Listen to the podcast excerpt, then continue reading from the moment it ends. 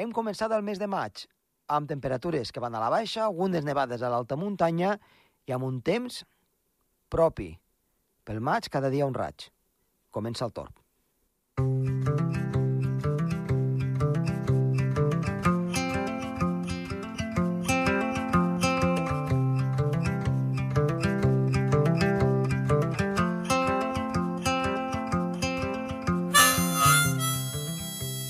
En el programa d'avui parlarem de la capa d'ozó amb Sergi Càrceles. Ens explicarà com està actualment i com havia estat anys enrere.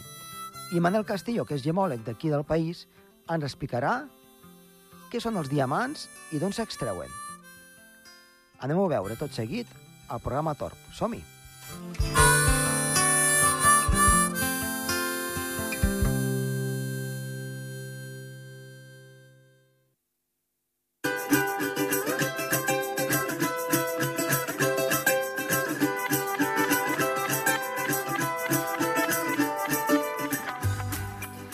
Iniciem el programa d'avui i parlem amb Sergi Càrceles. Sergi, molt bona tarda. Bona tarda. Què ens portes? Quina temàtica ens portes avui?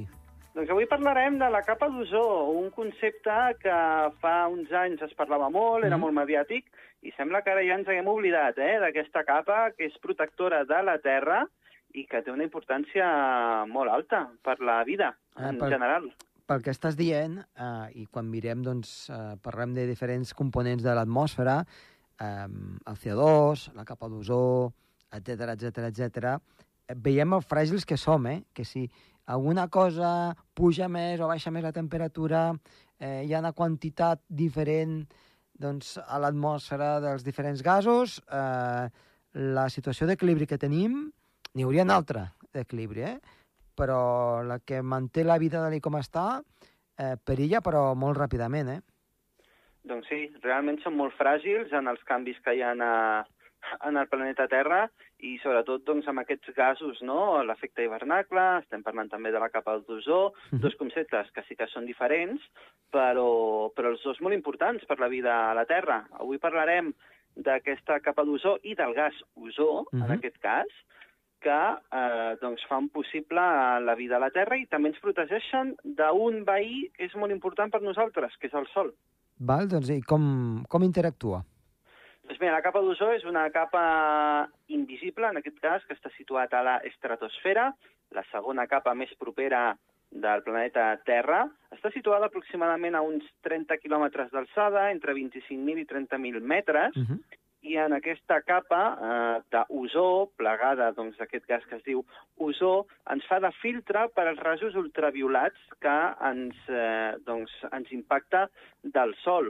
Són uns, eh, uns rajos que ja sabem eh, com són, eh, perquè ens hem de protegir, sobretot a l'estiu, amb aquestes cremes solars, i que realment ens arriba una quantitat molt baixa d'aquests rajos que realment emet el sol. Si no tinguéssim aquest filtre, segurament les persones, la, totes les persones quedaríem cremades Mm. i també molts éssers vius danyats i la vida seria molt difícil.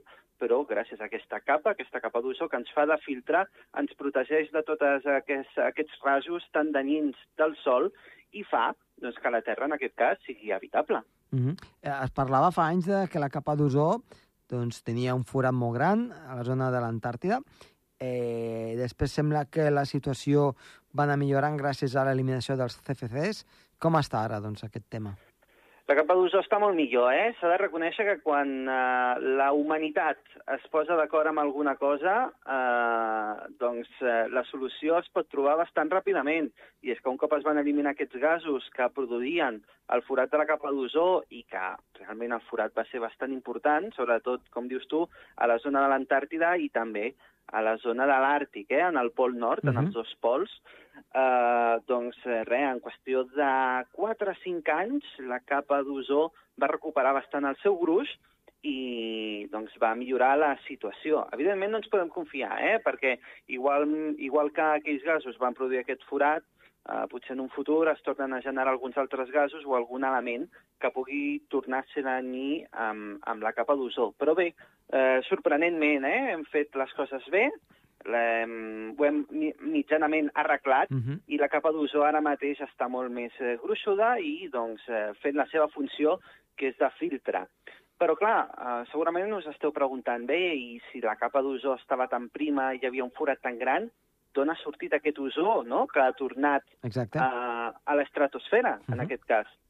Doncs mira, un dels aliats més importants que tenim per la producció de l'ozó són els llamps. I és que els llamps, quan, eh, bé, quan es creen, eh, tota aquesta, tot aquest voltant on es forma el llamp es generen diferents eh, transformacions químiques i tot l'aire del voltant eh, transforma l'oxigen, l'hidrogen, etc en ozó. En aquest cas se li diu ozó dolent perquè aquest ozó, eh, si s'acumula molta quantitat d'aquest ozó a la troposfera, la zona on, on s'habita a la Terra, pot ser nociu, eh? pot ser tòxic per l'ésser humà, però ràpidament tot aquest ozó acostuma a pujar ja a les altures, en aquesta capa d'ozó, i es comença a emmagatzemar. Com diem, eh? els llamps són un dels millors aliats, en aquest cas per la producció de, de l'ozó, i podem estar tranquils perquè de llamps hi han de sobres, i sobretot a les zones tropicals, on hi ha tempestes normalment, i també a la zona dels eh, huracans. Ara bé, caldrà veure eh, com, com segueix evolucionant aquesta capa d'ozó. Esperem que de moment segueixi tot bé i en el cas que en un futur es formi un altre forat, doncs també poder actuar tan ràpidament com vam actuar, que diem ràpidament per dir-ho, eh, perquè va ser tranquil·lament una dècada on la capa d'ozó va ser mediàtic, però bé, ja ho sabem, eh? si en els mitjans de comunicació no es parla, és que no existeix. Exacte. Llavors, ara, com no es parla mai ja de la capa d'ozó, segurament les noves generacions, eh, aquests nens de 10 anys, eh, 12 i 5 anys, evidentment, segurament no han sentit a parlar gaire d'aquesta capa d'ozó. Uh -huh. És Mhm. que res, perquè no ha sortit a les notícies. Per tant, caldrà doncs, fer una mica de divulgació i ensenyar-los què és el que pot passar quan no es fan les coses bé. Doncs, Sergi, moltíssimes gràcies. T'esperem una propera vegada. Adéu-siau. Que vagi molt bé.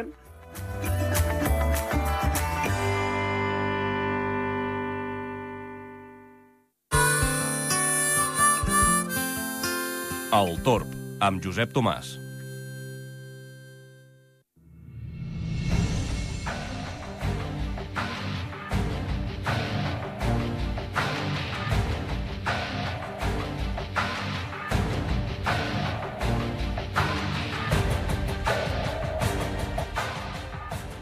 L'entrevista d'avui tenim el nostre amic Manel Castillo, que és gemòleg d'aquí del país. Manel, molt bona tarda.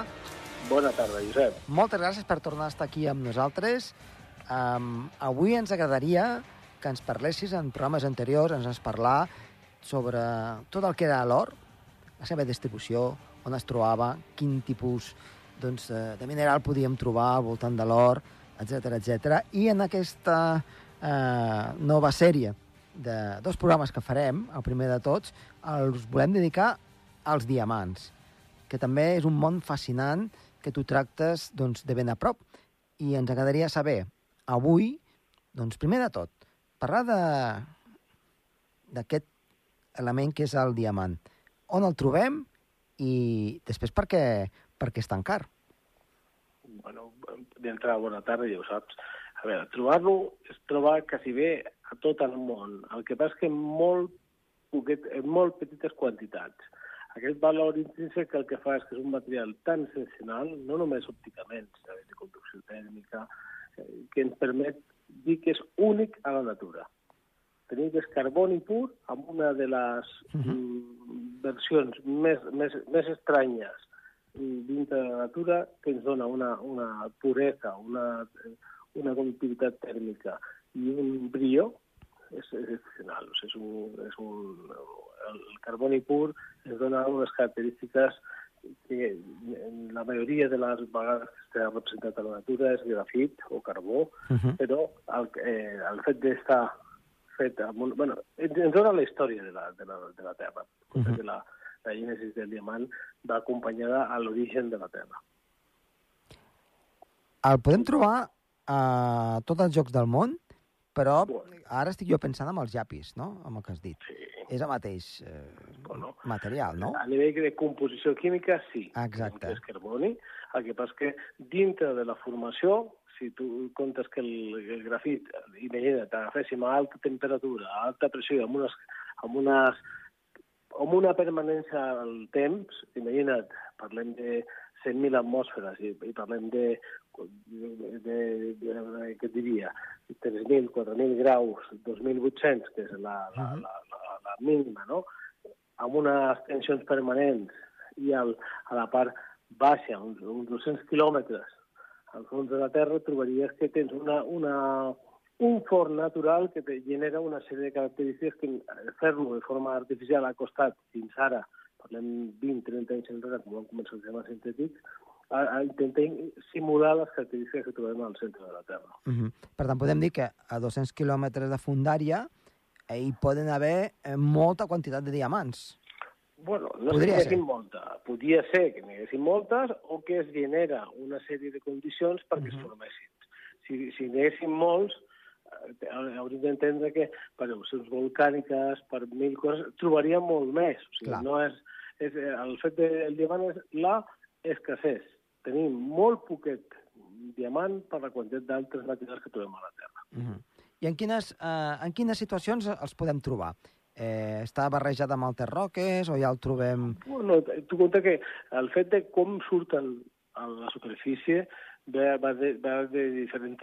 Va, molt bé, ve acompanyat de diferents formes, degut, primer, el primer que es van trobar, que es van dir, ostres, Uh -huh. eh, parlem de fa molts anys, parlem al, als anys 1800, 1000, a finals de, del segle passat, inclús una mica abans, Uh -huh. van ser un, pipes kimberlítiques, són unes ximeneies que estaven formades a nivell de- d'eclusió volcànica, una erupció, que venien acompanyades d'una sèrie de, de, de roques que es deien on hi hagi una pipe kimberlítica mai trobarem diamants. Va haver un senyor a Kimberley, a Àfrica, que va dir, bueno, van, come- eh, de fet eren començar una prospecció, trobaven kimberlites i abandonaven aquell, aquell jaciment. Aquest senyor va dir, no, jo crec que sota d'aquestes kimberlites és molt probable que trobem diamants. De fet, va ser el que va, el que va crear la ciutat de Kimberley i, i per què va arribar aquesta fama tan mundial a la part de- d'Àfrica, que després està l'altra Kimberley d'Austràlia.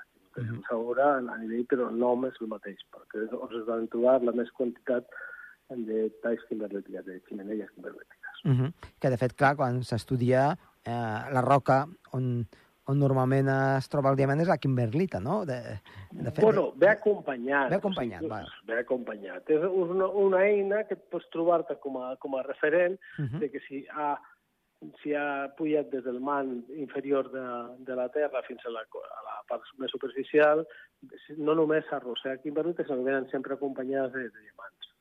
Te trobem també, a veure, ja ben saps que tenim jaciments on es troben els diamants, que són la desembocadura dels, dels rius, que durant milions, milions de- d'anys han anat di- dipositant no només roca, sinó eh, diamants que venen rodats des de lo que és la pipe o des de l'erosió de la terra fins que arriben a, al lecho inclús marino, que uh -huh. és on es troben molt, molta quantitat de diamants. Per tant, eh, de moment el que podem trobar és eh, al fons del mar, amb, amb rius, eh, amb zones volcàniques, i eh, que per allà al centre d'À- d'Àfrica, eh, això és que... Tens tota la part d'Àfrica, tens el Congo, Sierra Sí. Leone, la part de Sud-àfrica, tenim... eh, És una part molt concurrida, també et diré, el diamant que es troba a la part d'Àfrica és un diamant amb una mica, amb una inclusió molt característica, amb, amb nitrogen, Uh -huh. una, una coloració una mica més grogosa. És un diamant comercial una mica més baix de color, que no el, el que pots trobar a Austràlia o a Àsia o a diferents altres països, o a Índia, que és on trobem els diamants més d'un color més, més, més, amb una intensitat més alta. Per tant, podem dir que a gairebé tots els continents hi haurien aquests tipus de jaciments?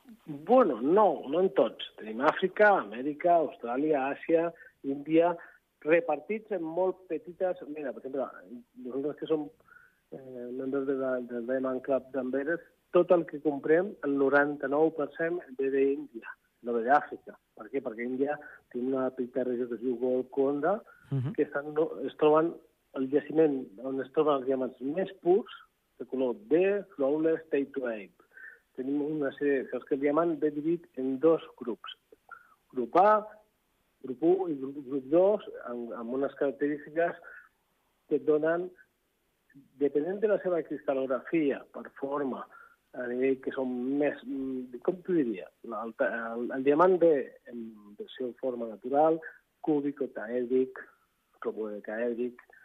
Tens una sèrie de diamants octaèdrics que venen quasi, quasi, quasi preconfigurats a fer un tallatge perfecte, amb unes característiques que són color blanc, intens, super estrany, amb tons blaus i amb una puresa interna i externa neta d'inclusions. Aquestes característiques fan que tinguin un brillo diferent a la resta. Uh -huh. Aquests són els diamants que a nosaltres ens agrada comercialitzar, que és un diamant excepcional. Només el 2% de la producció mundial té aquestes característiques. Per tant, diguem que els de l'Índia serien els millors. Sí. En aquest moment, el jaciment més gran, ja t'ho dic, zona Go- Golconda. És una regió d'Índia on s'ha trobat des de fa ja uns 50 anys un jaciment obert, i oberta, de fet no deixa de ser una gran, supergran taca indernítica, que es fa un- una explotació oberta, i el que fa és determinar doncs, per milers o tones de metres cúbics uh. -huh. es troba una sèrie de diamants amb unes característiques excepcionals. Uh -huh. I quan, llavors, quan, quan es troba un, un diamant, eh, com se sap si quin valor té? Eh, hem sentit a parlar dels quilats, no? Pels que no en sabem, una mica, què, què significa això? El, eh, mira, a nivell popular n'hi ha una gran confusió entre el quilatatge, que pot determinar una joia, uh Mhm. -huh. que és la puresa, Sí? i el quilatatge, que té un diamant. El quilatatge en diamant no deixa de ser el pes. El pes. Com es determina? Un quilat és aproximadament 0,2 grams. Uh -huh. I per què es determinava? Perquè era una mesura fàcil. I com era fàcil trobar aquesta mesura? Pues perquè tinguis una idea. A la, la garrofa, el que és, ni més ni menys, el, dintre de la garrofa ens trobem la llavor. La seva llavor, independent de la forma de la garrofa, el 99% pesen totes idèntiques. Uh. -huh. Aquesta és la mesura que van agafar com a mesura pràctica en les, en les bàscules de, de compensació als indis, als jueus, quan, quan feien les seves Curiós. les seves mesures. Pues perquè tinguis on va néixer el quilat. Uh -huh. Sigui, en quilat era 0,2 grams i continua sent Uh -huh. I per tant, això és la, la mesura universal. universal. A- A, aleshores- partir d'aquí tens eh, que són pues, els punts, que comença 0,1, 0,2, eh, vas parlant de fins a arribar que són 100 punts, que és un quilat. Uh -huh. Per tant, ja tenim el, el diamant, que l'hem pogut trobar amb, amb, amb aquests diferents Trobes jaciments. un vidre, el ruslo, que és una pedra natural, en brut, i es fa una prepesada. Uh -huh. Després es determinarà fent-li una finestreta al brut, al color que ens podem trobar i intentar verificar el tipus d'inclusió que trobarem en funció del jaciment que trobem. Uh -huh. Aquí és on volia anar una mica, doncs, amb aquestes característiques dels diamants, no? Uh, Sí. les diferents inclusions, els colors... Uh, com, com es determina això? Mira, la natura és molt capritxosa. O sigui, depenent de on es formi aquest, aquest diamant o els components que trobem al, al voltant, Uh -huh. Eh, ja, t'he- ja abans he dit, la inclusió més, més, més general dintre dels diamants és el nitrogen, que s'inclueix dintre la composició química del diamant i li dona una tonalitat de color grogós. Uh -huh. Això penalitza molt aquest el diamant perquè nosaltres que busquem dintre dels diamants biològicament a, a nivell de, de joia és que tinguin zero color. O sigui, Que siguin de color transparents, diguem-ne. Clar, de, independentment de que siguin més o menys transparents en funció de les inclusions, el color que sigui un color blanc òpticament tirant fins a tons blauosos, que són l'extra blanc. El blanc raro, com diuen els, Uh -huh. els anglesos, el que diuen és buscar un blanc excepcional. El blanc excepcional està al, al voltant del blau. I aquí és on entren elements com, per exemple, el boro. El boro et donarà una, una tonalitat blavosa. Després tens altres materials o malformacions dintre del material que tindran un color brown, que serà el marrón, o et trobaràs els, els fancy colors, que són diamants amb, amb un color molt intens, sigui rosa, eh, verd, blau, negre, que donaran diferents, per la seva escassez, un, un preu excepcional més alt o més baix. Entonces, Mhm. tenen un altre tipus d'escala de verificació dintre dels diamants incolors als diamants fancy colors. I quin és el diamant, diguem-ne, més estrany que s'ha trobat? Bueno, el més pesat, el més gran, el més raro, era el Cullingan, que aquest ha sigut el, el, el Cullingan 1, primer després han tingut altres, però el Cullingan va ser un diamant que en brut, en el seu moment, passava dels 3.000 quilats. parlant d'una pedra de 3.100 i pico quilos, 3.106, o se'n vol 3.000. Després va fragmentant mm, tres cúlingans i després s'ha fet diferents tallatges i algun inclús s'ha retallat per actualitzar la peça. Uh -huh. Són peces de, de valor incalculable. Uh -huh. Per tant, no... no... Té, té una, la, la corona anglesa té un, un dels cúlingans. Clar, és el que dius, no, no es pot calcular el seu preu perquè, clar, això va variant, depenent una mica... Que, el preu del diamant sempre es pot calcular, el que passa és que hi ha peces excepcionals, Clar. que és com el que té una obra d'art. Exacte. Com qui té la Gioconda, doncs no es pot calcular el seu preu és irrepetible, aleshores es pot anar recalibrant el preu en funció de l'economia mundial, però el que has de pensar Clar. que són peces insubstituïbles. Uh -huh. um, ja per acabar, eh? una mica, de, en una propera ocasió en parlarem, eh? però el mercat del diamant, avui en dia, amb les crisis, etc etc, només un breu apunt, per fer una mica de boca pel, pel proper programa que, que parlem, eh, està a l'alça o a la baixa? el diamant està a l'alça. És una... Pensa que el diamant no només tipus jo i animal d'inversió, és una manera de cobrir-se a nivell d'aquesta incertesa econòmica. Uh -huh. El diamant, tant com l'or, acompanyen a capotejar les crisis. Tu comptes que hi ha un mercat regulat del preu del diamant, que són les bosses del diamant, nosaltres tenim dintre la bossa més gran del món, que és l'Amberes, uh -huh. i aquí es regula a nivell mundial passen al, més del 85% de tota la producció mundial.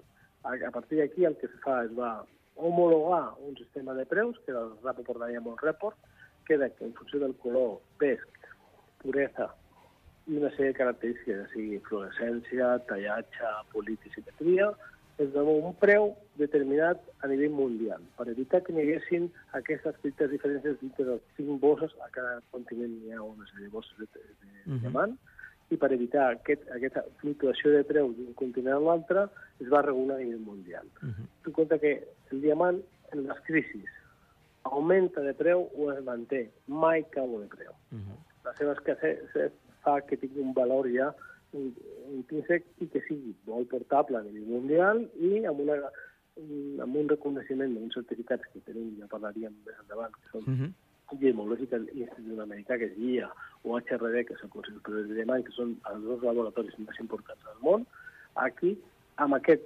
document, que és com el passaport de la pedra, pots eh, a nivell mundial comercialitzar-la amb un preu regulat. Uh -huh. De tot el que m'ha quedat una cosa és que l'únic continent que no has dit que hi ha diamants és Europa, eh? Tu comptes que Europa el que tenim... A veure, què tenim? Rússia. El rus sí que tenim però això ja és cap a, a, més enllà dels Urals, no? Això ser, claro, seria Àsia, ja. Però el que estem, a la nostra part, aquí no tenim... Res. Bueno, res. no bueno, sí que teníem, tenim or a Espanya, a la península Ibèrica, però explotacions importants no tenim. Uh -huh. Ja sigui per la, a nivell geològic, per la formació, per, per, la, per les tensions que van tenir en su moment, estem parlant del procés perquè es formi un diamant pot anar des d'un milió a tres milions d'anys. Si pensem que aproximadament calculem que la, la vida de, de la Terra són 4.500 milions d'anys per a nivell biològic. L'origen de la Terra va molt acompanyat uh -huh. a l'origen dels diamants. Manel, molt interessant el que avui ens has explicat i queda pendent aquesta segona part per acabar d'explicar una mica doncs, el recorregut que fan aquests diamants. Moltes gràcies i fins la propera vegada. A tu. Adéu-siau. Adéu, bona tarda.